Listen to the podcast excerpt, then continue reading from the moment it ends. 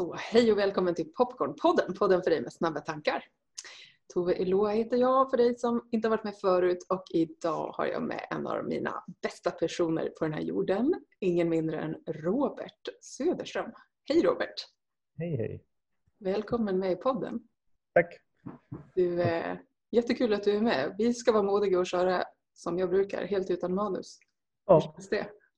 Ja, alltså när man vet att folk spelar in och att folk ska lyssna på det känns det lite läskigt. Men eh, ja, det blir bra. Det brukar vara intressant att snacka med dig. Så det, Ja, men detsamma. det går nog vägen. Det, det blir som det ska, brukar Ja. jag tycka. Ja. Du Robert, om jag får ta mig friheten att försöka att eh, sätta några ord som intro på dig till de som lyssnar så är det ju så att dels är du min kusin. Diffar några år på oss, men vi har ju växt upp eh, i Visby tillsammans. Men du är ju också en person som för mig symboliserar oerhört mycket liksom, kreativitet, mod, du symboliserar rörelse genom dansen. Symboliserar jädra många grejer av liksom drivkraft och ja, men mod är verkligen en så sammanfattning både i Sverige och utomlands i olika äventyr och sådär. Mhm. Säger du då och känner vad? Känner du igen dig i den här beskrivningen av dig eller vad, vad tänker du om, om det jag sa nu? Ja, alltså jag känner igen mig i den, här kre, den, den kreativa biten. Men att jag är modig vet jag inte om jag håller med om. Men det är väl en definitionsfråga. Vad är mod då? Eller vad är det som skulle, eller så här, kan du förstå att jag tänker så om dig? Ja, det kan jag väl förstå. Men, men alltså det finns, det finns ju något sånt här citat där man säger gränsen mellan eh, alltså vara modig och vara galen är väldigt, nej, alltså går väldigt Fine line. Liksom. precis, en fine line. Mm. Eh, och jag har alltid sett mig att jag är på den sidan som är galen. För jag har aldrig, aldrig tänkt på att jag är modig. Eller så här att jag, det jag gör är modigt. Det har bara känts naturligt. Liksom. Mm. Eller så. Mm. så jag vet inte, mod är, är, är något annat för mig. Om jag ska vara helt ärlig. Men eh, kul, Ja, tack. det är bra. Det är bra, det gillar ju jag, ärlighet. Men jag tänker så här, det är ju så spännande för, för det är klart att när jag säger det så är det ju i relation till ja, men min egen referens om av vad jag skulle våga eller skapa eller liksom sådär. Och jag tänker att jag är ju också nära till i och för sig kreativitet och de här sakerna. Men, eh, ja, men jag tänker så här, att, att vara i den branschen du är bland annat som professionell dansare. Det är Ja. inte mainstream. Nej, Och jag tänker att någonstans är att välja det med hjärtat och satsa på det och, och liksom ja, verkligen gå all in betyder ju faktiskt alltså på något plan också att avstå säkert vissa saker. Eller liksom att, Eh, Det, Vissa grejer är svårare än andra. Alltså så här man, ja. Och det tror jag inte att jag medvetet valde när jag valde. Alltså när jag sa att jag skulle börja testa. Ja, nu ska jag se hur det går att bli dansare. Liksom. Då tror jag inte att jag tänkte in att så här, så här ska det bli.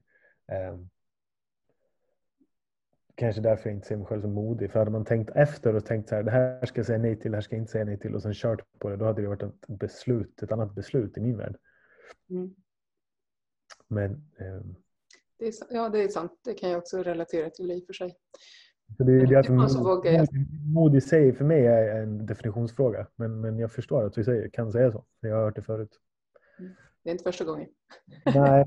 Men då, då, tycker jag om man ska börja, då, då blir jag alltid så här, "Jaha, ska vi diskutera om det är modigt att följa, göra det man vill? Mm.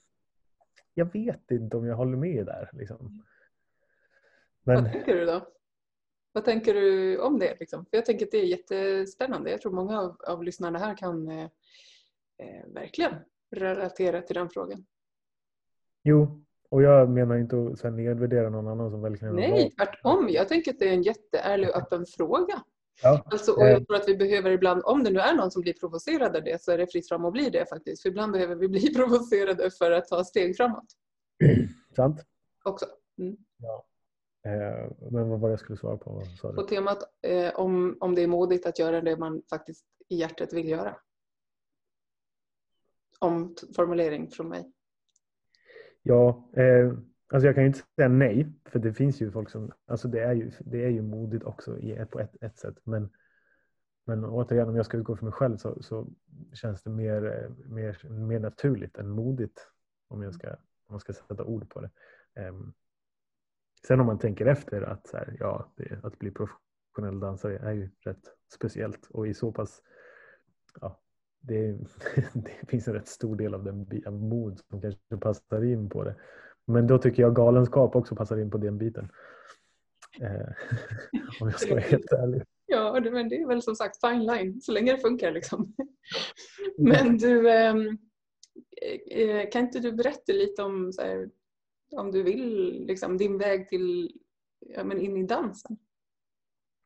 Um, ja, long story short då kanske man ska säga. Men jag började dansa när jag var 12. Så det finns många som börjar tidigare. Um, men jag började när jag var 12 och sen gjorde jag det för att det var en kul grej fram till att jag var typ 18 mer eller mindre. Mm.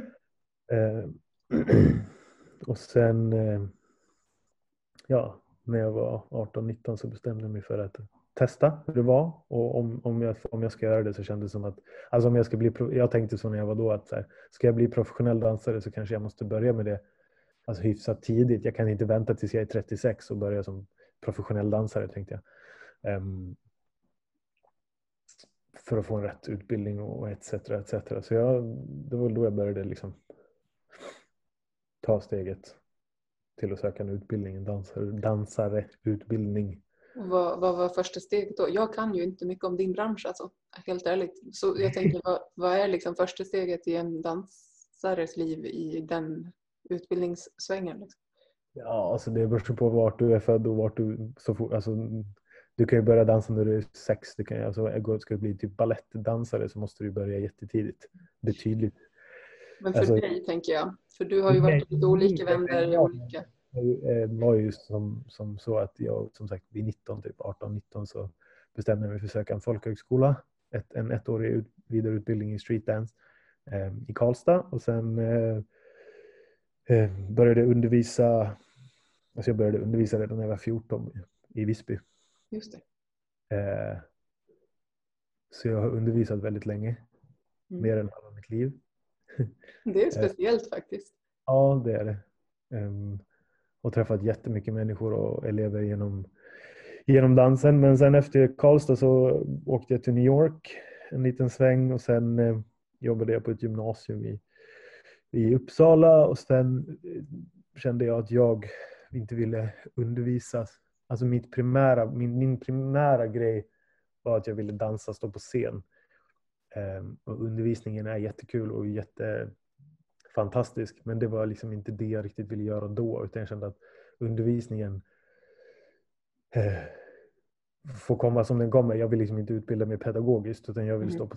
Så därför sökte jag till en, en professionell utbildning i München. Just det. Eh, där i tre år och sen eh, har jag frilansat efter dess. Mm. More or less. Och då har jag jobbat som lärare eh, och undervisat mycket. Men till exempel om jag skulle ha jobbat på i gymnasiet idag så måste man ju nästan ha lärarexamen. Alltså gå den pedagogiska vägen fullt ut eller liknande eh, med pedagogisk erfarenhet. Och nu har jag ju som sagt jättemycket pedagogisk erfarenhet men jag har inte det på pappret på samma sätt som jag har en dansareutbildning på pappret. Nej, du har valt den vägen i, ja. i dansen mer än pedagogiken så. Ja, alltså just nu sen har jag som sagt mycket erfarenhet av att undervisa. Många gånger så lär man sig mycket, mycket på undervisning eller på erfarenhet. Av, Absolut, hundra procent alltså. Omvänt så är det ju inte säkert att den som har pedagogiken på papper är den bästa pedagogen. Så är det ju faktiskt. Så Nej, det är på samma sätt som den bästa dansaren inte alltid är den bästa läraren. måste sägas. För det finns mm många dansare som är fantastiska, som är värdelösa danslärare. På temat ärlighet. Ja, men det är inte alls samma sak och det, det, tycker jag, det tycker jag man måste förstå att det är två olika saker och det krävs otroligt mycket att vara en bra danslärare. Eh, och det är absolut inte samma sak som att vara bra dansare och bra danslärare. Eh, ibland tänker folk att oh, han är, eller hon eller han är jättebra dansare, då måste de, kan inte du komma och undervisa? Och det är inte samma sak. Nej, det kan jag tänka mig. Danslärarna jag har haft är fantastiska. Eh, de bästa dansarna jag har träffat som också har undervisat är inte alltid bra. Eh, Så det, det är två olika saker. Ja, ja, ja absolut. Nej, Också när folk hör att man är dansare så bara, ah, men då kan du komma och undervisa. Jag bara, ah, fast, ja, jo det kan jag. Men det är bara för att man, det är inte alla som vill undervisa. Och det är inte alla som vill som står på scen som undervisar heller. Liksom. men, och din drivkraft i grunden har varit och är frågetecken då, att stå på scen egentligen? Att få dansa i, som konst, eller? Ja, alltså att stå på scen har alltid varit det, det, det eller inte alltid, men det, det jag satsade på och det som jag har tyckt var Alltså den vägen som jag valde att gå. Liksom. Ehm, Jag har ju fått, fått faktiskt se dig i några olika sammanhang, både i Visby där du har dansat bland annat med ringmuren som kuliss och uppe i Stockholm i en fantastisk eh, version av eh, Nötknäpparen. Så här, vansinnigt bra. Jäklar alltså, det var grymt. Eh, och jag tänker att det är bara några av de sakerna du har gjort. Har du några sådana där som, som är på topplistan av minnen? Så, Ja, alltså ett nötknäpparen är ju en av dem. ja, det är det. Att man fick jobba med, med koreografen och de människorna som var där är ju fantastiskt. Ehm, Det personligen var, var den resan eh, helt eh, jätte, jätte, jättebra. Eh, Men eh, jag har gjort andra grejer också, liksom både mindre och eh, ja, större är väl också en definitionsfråga. Men Ja. jag har gjort andra saker också. Men, men det, nötknappen var en sån, en sån en milsten för att, om jag fick klappa om jag fick säga det till mig själv när jag var typ 15-16 och gick på dansskolan i Visby så skulle jag inte tro det. Om man tänker efter på vilka jag såg upp till då liksom, och vilka jag jobbade med på nötknappen. Ja, men det- precis, och, och jag kan ju inte som sagt mycket om din bransch men jag tänker så här, Bounce och Fredrik Benke och alltså de här, liksom, det är ju namn som till och med jag har koll på.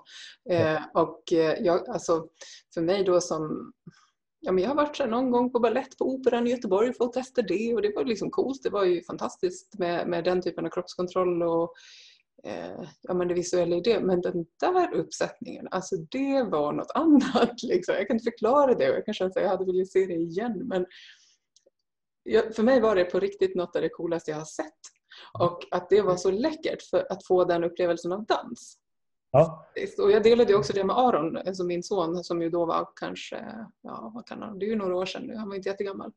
Vi har ju fest liksom. Men det är ju det som är häftigt med just sådana produktioner och med, med sådana koreografer. Eller med Benke kan man väl säga. Alltså de flesta av hans grejer är ju väldigt mycket dans på ett... Alltså det är väldigt publik... publik alltså det är väldigt mycket publik på dem. Han, just Nötknäpparen var också och Svansjön eh, vet jag. Sen vet hans produktioner efteråt har varit jättebra också. Men, men de två är jag säker på att det var väldigt mycket publik på. Också på Dansens hus. Eh, och när vi var på turné i, ja, i Tyskland och Europa liksom, så var det, väldigt tacksamt. och Väldigt annorlunda eller man ska säga. Mm. Ja, det, var, det var speciellt faktiskt, verkligen.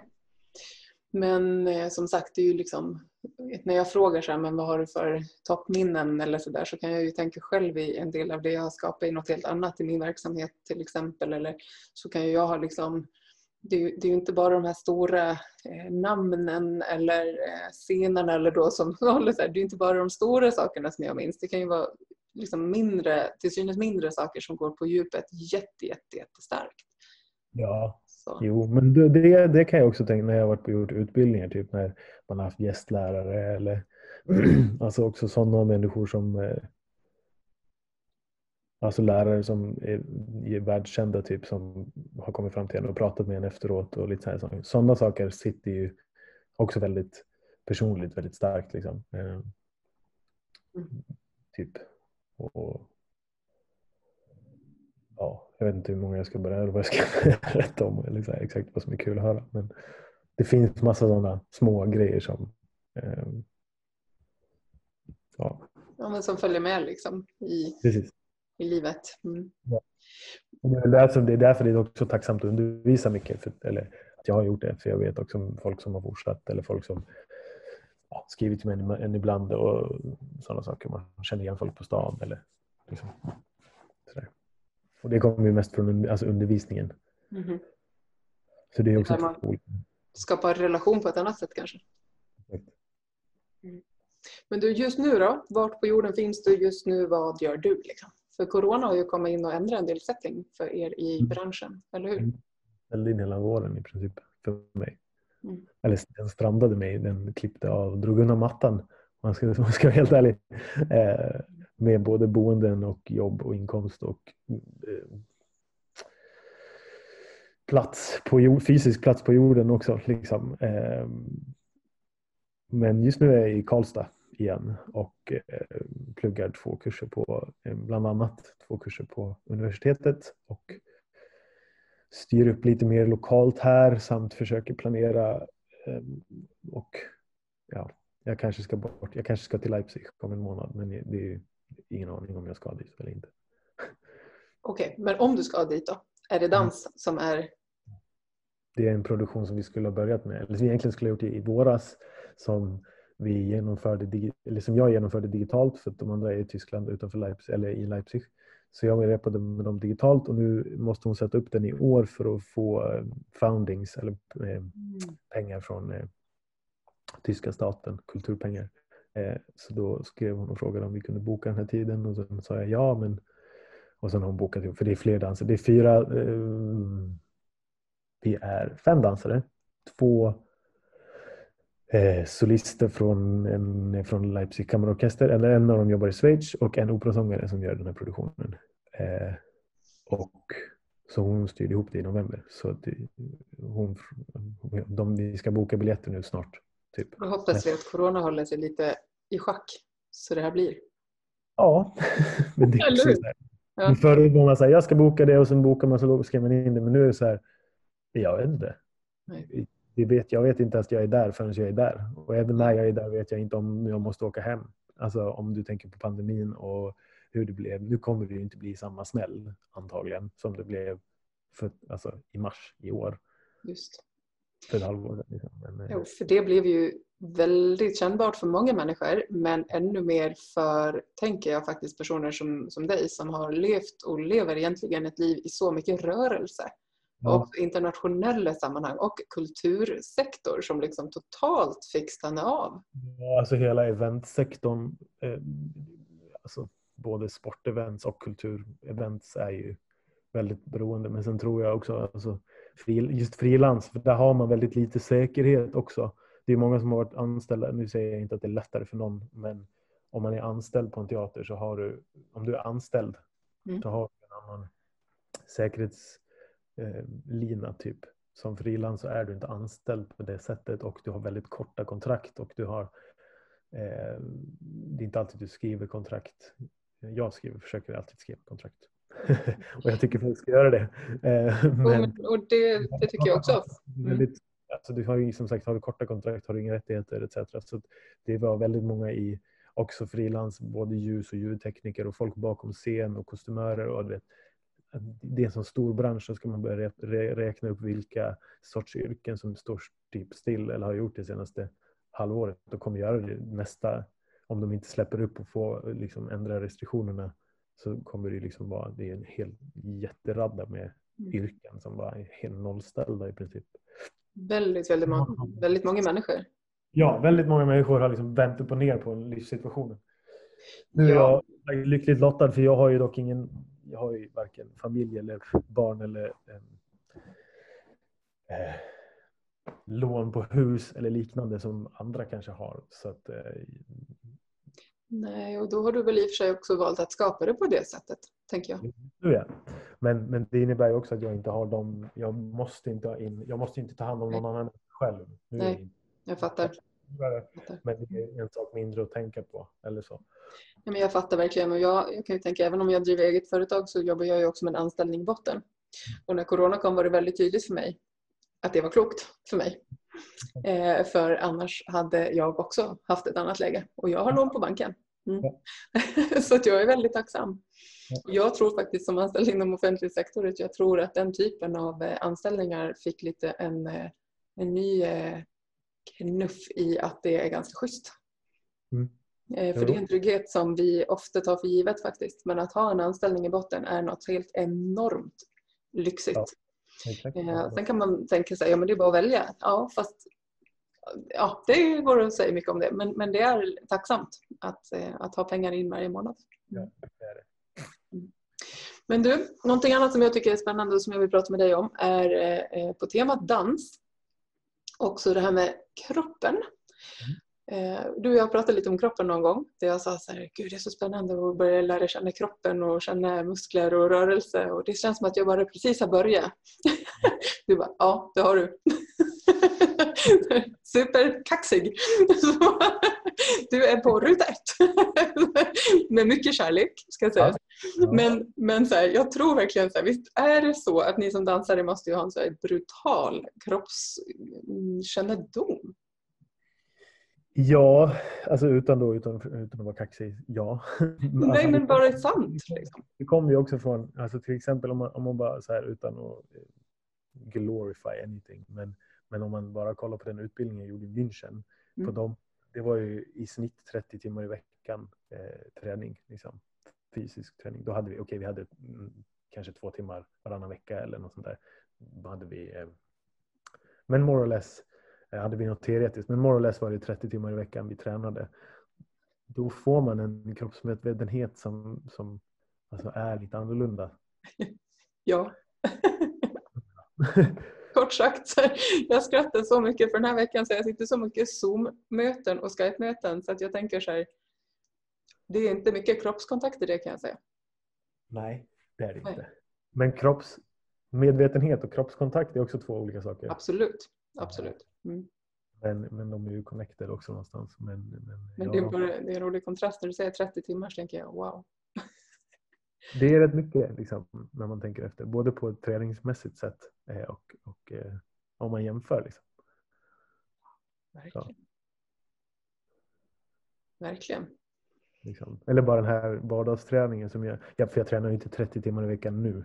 Det, är- nu måste jag ju liksom jobba. alltså, ja, precis. det, liksom, det är ingen, ja, det finns få, kanske Bruce Lee eller något som har tränat så mycket. Liksom. Men Fast samtidigt, om jag tänker när du är i dina de här större sammanhangen, liksom, eh, men typ nötknäpparen om vi tar det som exempel, så måste ni ju också öva och repa massor ja, inför Jo. Men det blir ju också, både positivt och negativt, så blir det ju två olika saker. Alltså, tränar man 30 timmar i veckan på en utbildning så, får, så förhoppningsvis så har du ett träningstänk eller en, en variation. Repar du så repar du inte riktigt, men då repar vi repar ändå åtta timmar, eller vad blir det? Sex till åtta timmar per dag. Vi repar, Mm. repar liksom. Så det blir ju ändå en arbetsvecka. Liksom. Um, nu är man ju inte fullt ut hela tiden, för man måste lära sig och man har olika processer och, och sådär, men, men det är ju fysiskt. Så att man måste ju ha en medvetenhet också när du jobbar med dans och sånt. När du ska säga nej, vad du ska tänka på. Man måste lära känna sin egen kropp för annars kan man inte jobba så länge heller. Liksom.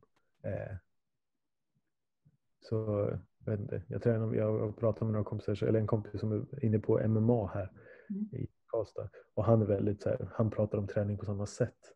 Typ, man kan inte träna fullt ut hela tiden. För jag, kan, jag kan gå till gymmet en timme varannan dag typ och träna arslet av mig. Eller så här, träna jättehårt. Men det är inte så. Man kan, man kan inte träna så hela tiden. För då får man inte samma resultat. Liksom. Precis. Så det kommer ju med medvetenheten i en kropp också. Att så här, nu känner jag det här. Och, så här.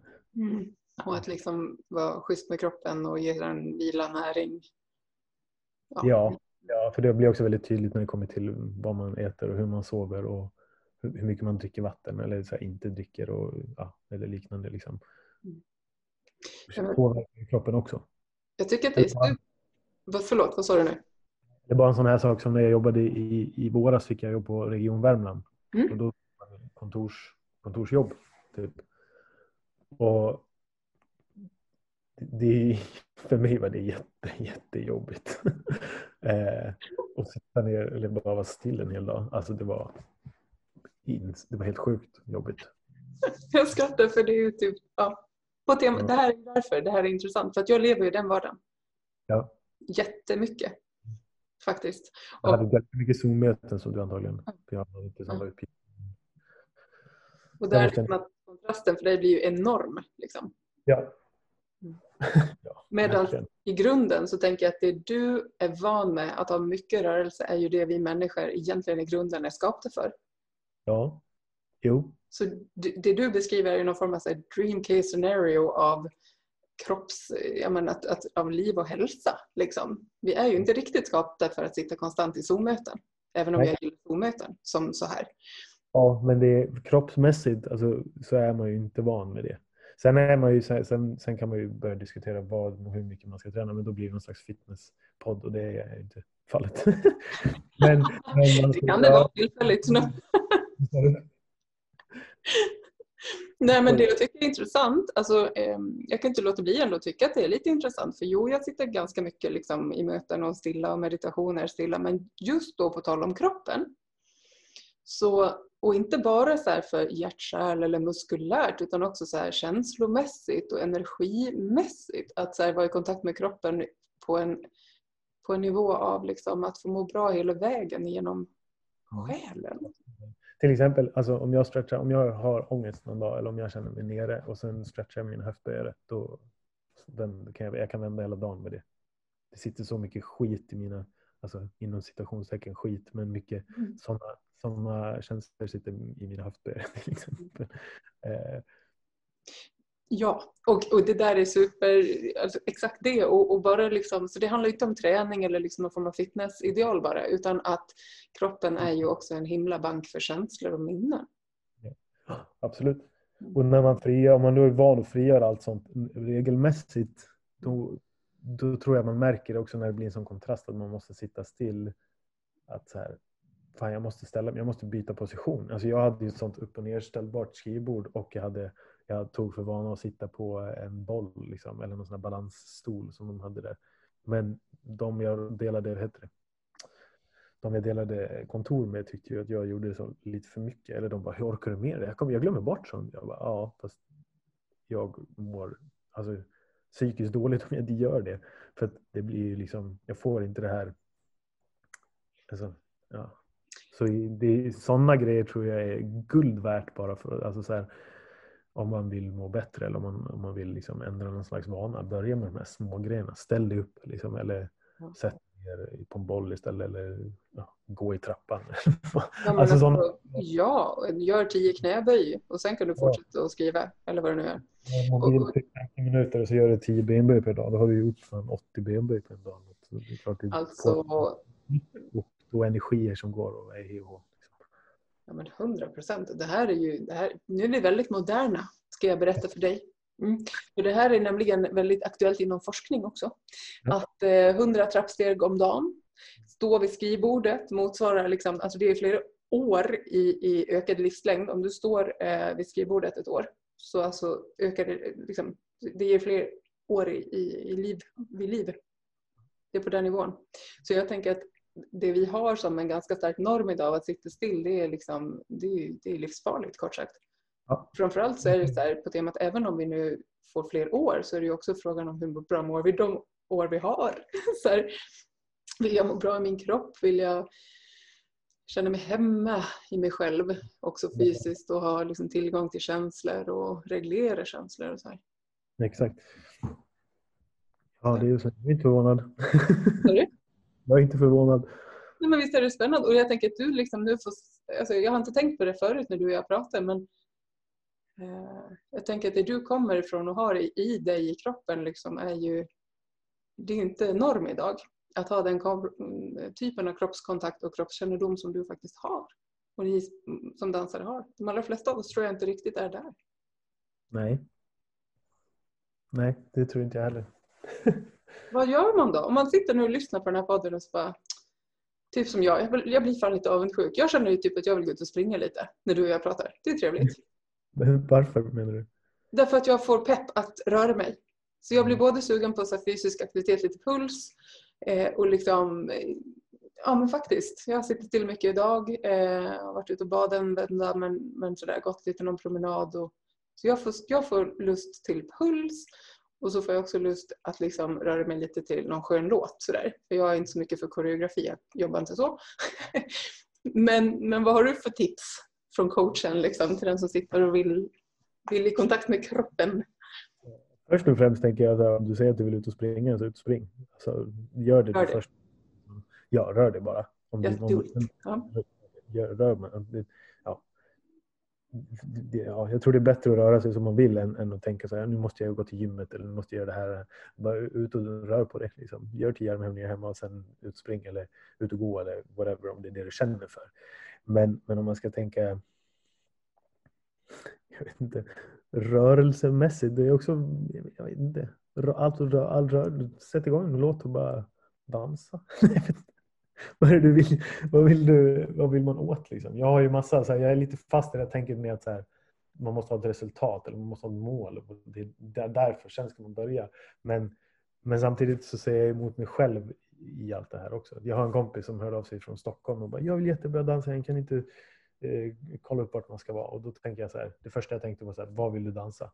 Hur vill du dansa? För det finns ju massa olika stilar, massa olika, eh, ja, som du säger, koreografiklasser, det finns improvisationsklasser, det finns massa, massa olika. Mm. Och egentligen så var ju hennes fråga, hon var ju så här, nej jag vill bara dansa där det finns tid och, och någonting som är bra. Och jag bara, det finns hur mycket som helst. Liksom. Mm. Så jag är fast lite mellan de världarna. Så det är därför jag menar med, om du känner för att springa, så spring. För det, det är det, det man själv känner för. Vill du improvisera och bara stå och skaka rumpa så gör det till en låt. Liksom. Jag älskar det. Ja.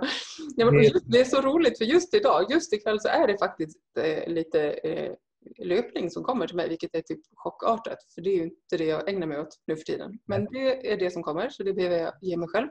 Men sen så tänker jag också när jag lyssnar på dig nu att ehm, jag håller en hel del i, i meditationer och cirklar för kvinnor där vi ägnar också en del åt beröring och rörelse.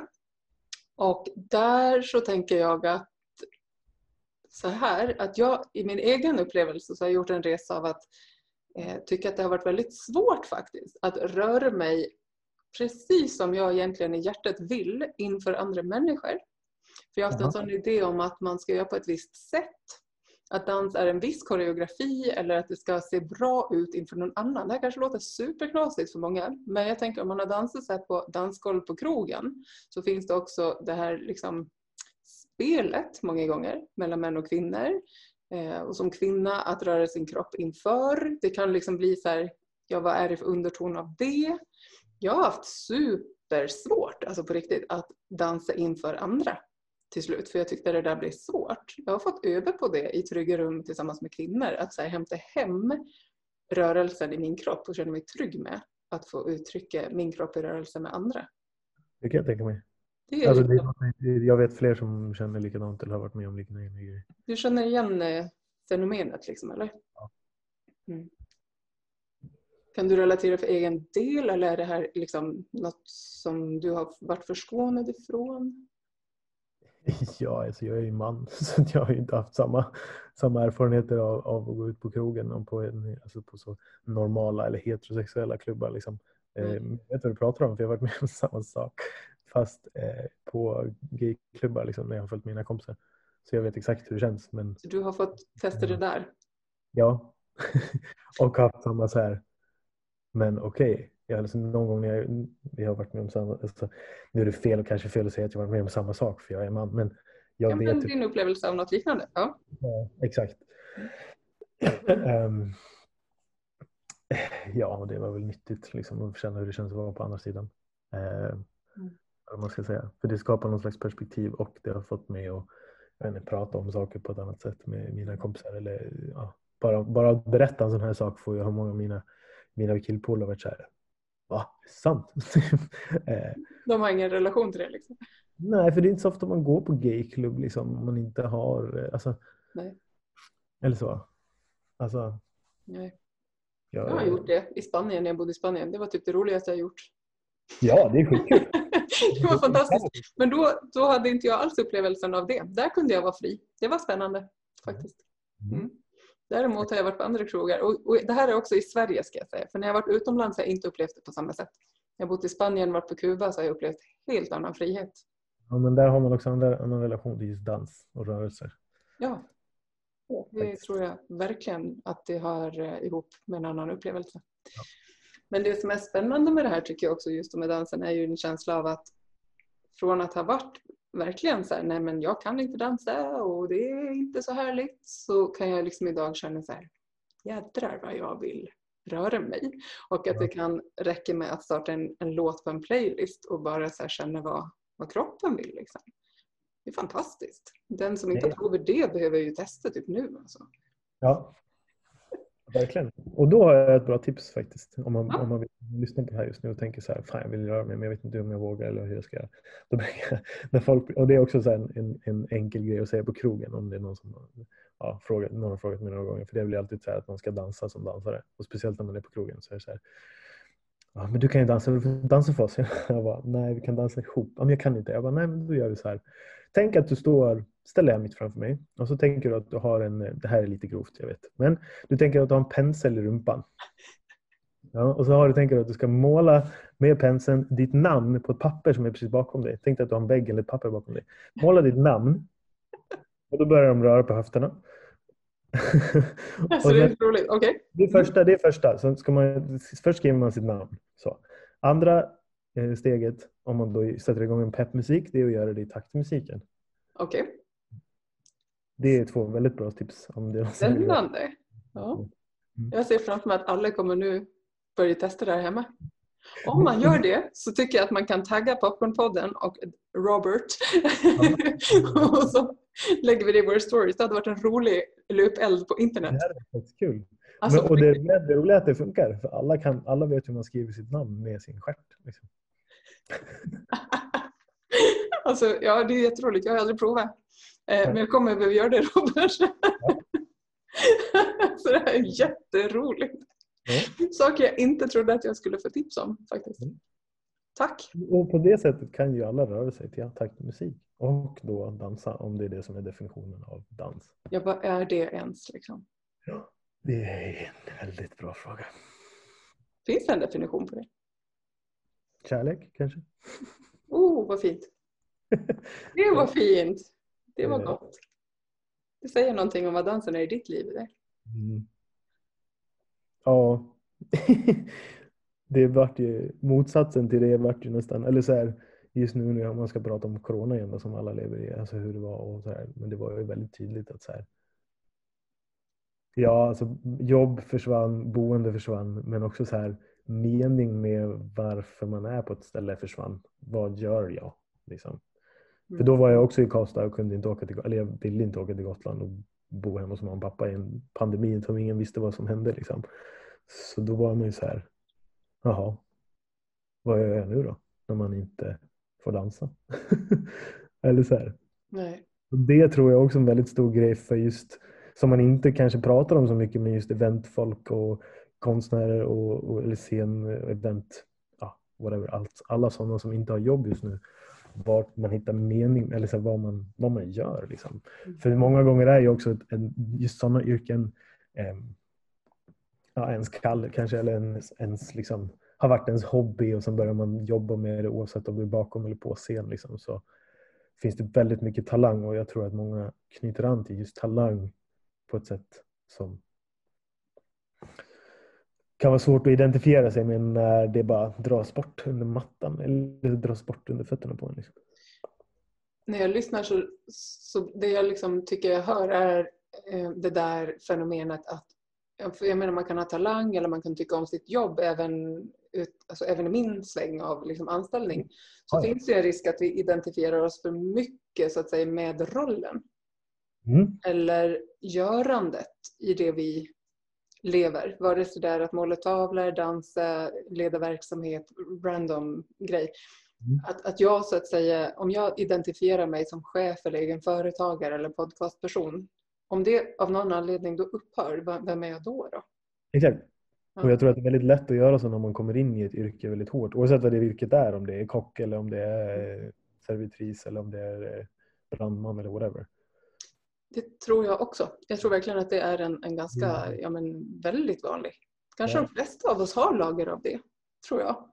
Jo, det tror jag också. Det är inte bara just event och konstnärer som är så, men det blir väldigt tydligt när man, när det bara det blir väldigt tydligt när den identitetsbiten försvinner. När man inte har någon val att säga jag kan inte stå på scen för det är ingen scen som är öppen. Liksom. Nej, det förstår jag verkligen. Jag tror att det blev väldigt mycket mer synligt för vissa grupper i det här skiftet. Samma med musikaler och sånt där har också blivit så helt nere och nu försöker de sam, nu, försöker, nu vet jag alltså det är många som försöker livesända scenkonst liksom. Och då var det en stor idé eller stor så här, stor diskussion, så här, kan man ens göra det? Är det scenkonst då eller är det film? Och för filmen har en helt, ett helt annat uttryckssätt än vad scenkonsten har. Mm. Så sådana frågor var ju, är jättestora, var jättestora, är jättestora. Och jag har sett, för jag tycker personligen det kan vara jättetråkigt att se på scenframträdanden som är gjorda för scen och sen filmar man det och sen ser man det live. Det blir inte, I mig blir det, vissa saker som jag sett har varit inte alls samma känsla i. Liksom. Men det har ju också med uttrycket att göra. Att, att det ändrar sig från scenkonst till film och att det då tappas någonting. Eller att man, om man bara filmar en scenkonst med en stilla kamera så är det varken en scenkonst eller uttrycket film som gör att jag kan sätta mig och bli liksom indragen i en film utan det blir något slags ramla mellan stolarna där på något sätt. Ja, det är en liten copy-paste som inte blir riktigt varken eller. Nej, men det kan jag verkligen tänka mig. Absolut. Ska man göra det till film så jag tycker inte att det är något fel att göra scenframträdande till film heller för det, det, det, finns de som har lyckats men då måste man liksom tänka till. Man kan, ja, på något sätt. Mm. För då man ändrar liksom mediet. Så. Ja, men och så, så det håller jag verkligen med om. Och jag tänker också liksom jag, alltså jag älskar det digitala på väldigt många sätt. Jag tycker det är fantastiskt som komplement men det, det kräver någonting annat. Ja. Eh, om jag håller en meditationscirkel i mitt fysiska rum så gör jag på ett sätt. Håller jag en cirkel online så är det någonting helt annat. Jag måste ja. bygga det på olika sätt. Mm. För, för det, det, då, blir, då tappar man någonting. Ja, det är nog så. Men bygger man det på rätt sätt så blir det magi i båda rummen. Absolut, absolut. Jag säger inte att det är... Men det är samma med möten. Det är mer att, att den övergången och det lärandet har ju också fått hända nu under coronatid. Ja, jo, för att alla var tvungna Det var ingen som hade valet. Alla möten för att man ska göra det nu.